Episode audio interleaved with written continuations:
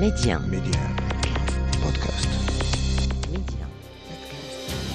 من انتفاضة أطفال الحجارة إلى انتفاضة الأقصى تطرقنا في حلقات سابقة إلى انتفاضة الحجارة أول انتفاضة فلسطينية شعبية سلمية عارمة ضد الاحتلال الإسرائيلي اندلعت في الثامن من ديسمبر 1987 وهدأت في العام 1991 ساهمت في ظهور حركة حماس التي أعلنت عن نفسها في نفس العام 1987 وتوقفت الانتفاضة غير المسبوقة من حيث أشكال الاحتجاج التي أبدعتها وطرق المواجهة التي اعتمدتها. توقفت نهائيا مع توقيع اتفاقية أوسلو بين إسرائيل ومنظمة التحرير الفلسطينية في العام 1993 وحققت الانتفاضة نتائج سياسية غير مسبوقة لاعتراف بوجود الشعب الفلسطيني وكانت حددت هدفا واضحا للمرة الأولى عبر ثوابت سياسية ومطالب أخرى وطنية وعلى رأسها إقامة دولة فلسطينية مستقلة وعاصمتها القدس الشرقية وتمكين الفلسطينيين من تقرير مصيرهم تفكيك المستوطنات وعودة اللاجئين دون قيد أو شرط وتقوية الاقتصاد الفلسطيني تمهيدا للانفصال عن الاقتصاد الإسرائيلي انطلق مسلسل أسلو وتابعت مختلف خطواته في كل مساراته منذ المصافحة التاريخية في حديقة البيت الأبيض بين رئيس الوزراء الإسرائيلي إسحاق رابين والزعيم الفلسطيني ياسر عرفات لماذا اندلعت الانتفاضة الفلسطينية الثانية التي أطلق عليها اسم انتفاضة الأقصى؟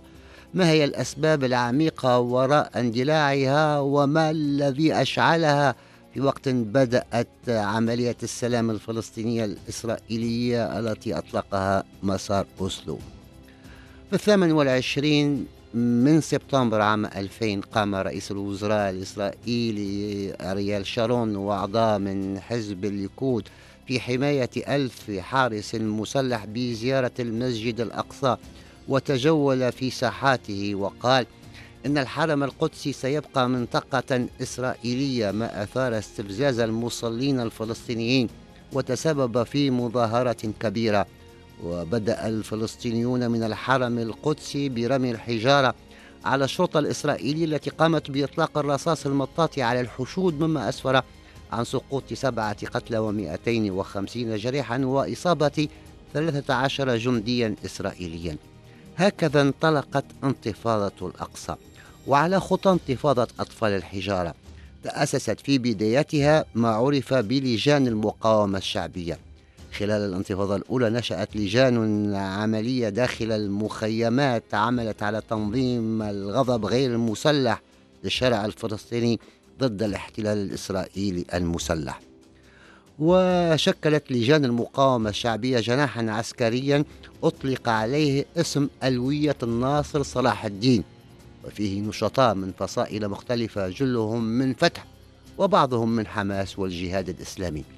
ولكل انتفاضة صورها التي هزت العالم كمشهد الجنود الإسرائيليين الذي كانوا يكسرون أيدي أطفال الحجارة الصور التي دارت عبر العالم ما أثار مشاعر التعاطف مع الفلسطينيين بشكل لم يسبق له مثيل.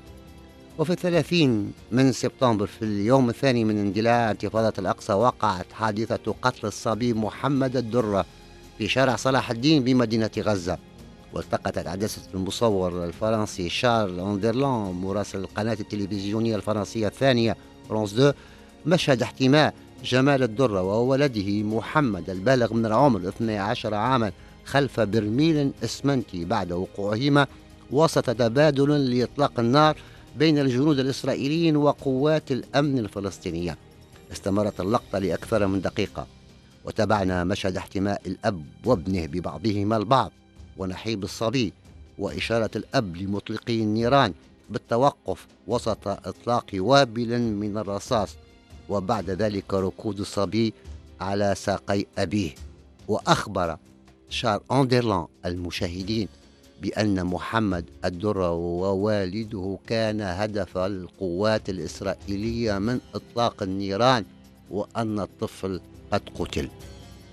وشيع محمد الدرة في جنازة شعبية مهيبة أدمت القلوب تابعتها وتحول رمزا لهذه الانتفاضة الفلسطينية الثانية التي اختلفت عن الانتفاضة الأولى بكثرة المواجهات بين الفصائل الفلسطينية وجيش الاحتلال الإسرائيلي. وتصاعد وتيرة الأعمال العسكرية بين الطرفين فنفذت الفصائل الفلسطينية العديد من العمليات داخل المدن الإسرائيلية واستهدفت نقاط التفتيش الأمنية والمطاعم والحافلات وتسببت في مقتل المئات ووصلت الذروة عام 2002 وبمعدل 22 قتيلا شهريا.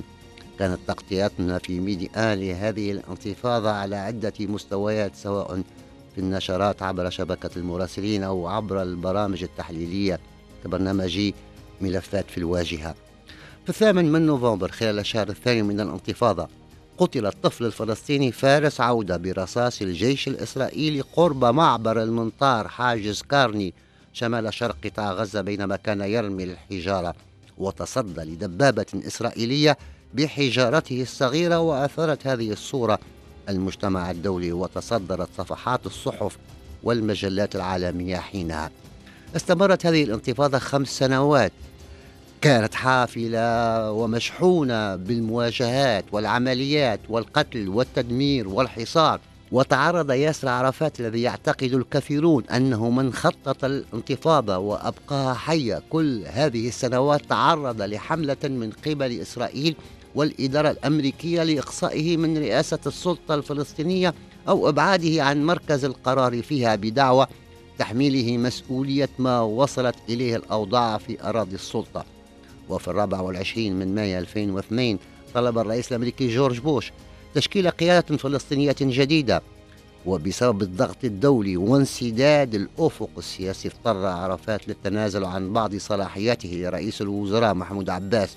لكن عباس سرعان ما استقال وتولى المنصب أحمد قريع أبو علاء الذي التقيته وفرضت إسرائيل حصارا على الرئاسة الفلسطينية حيث كان يتواجد ياسر عرفات وبقي الرئيس الفلسطيني محاصرا في المقر حتى نهاية حياته في الحادي عشر من نوفمبر 2004 والحديث بقية في اللقاء القادم.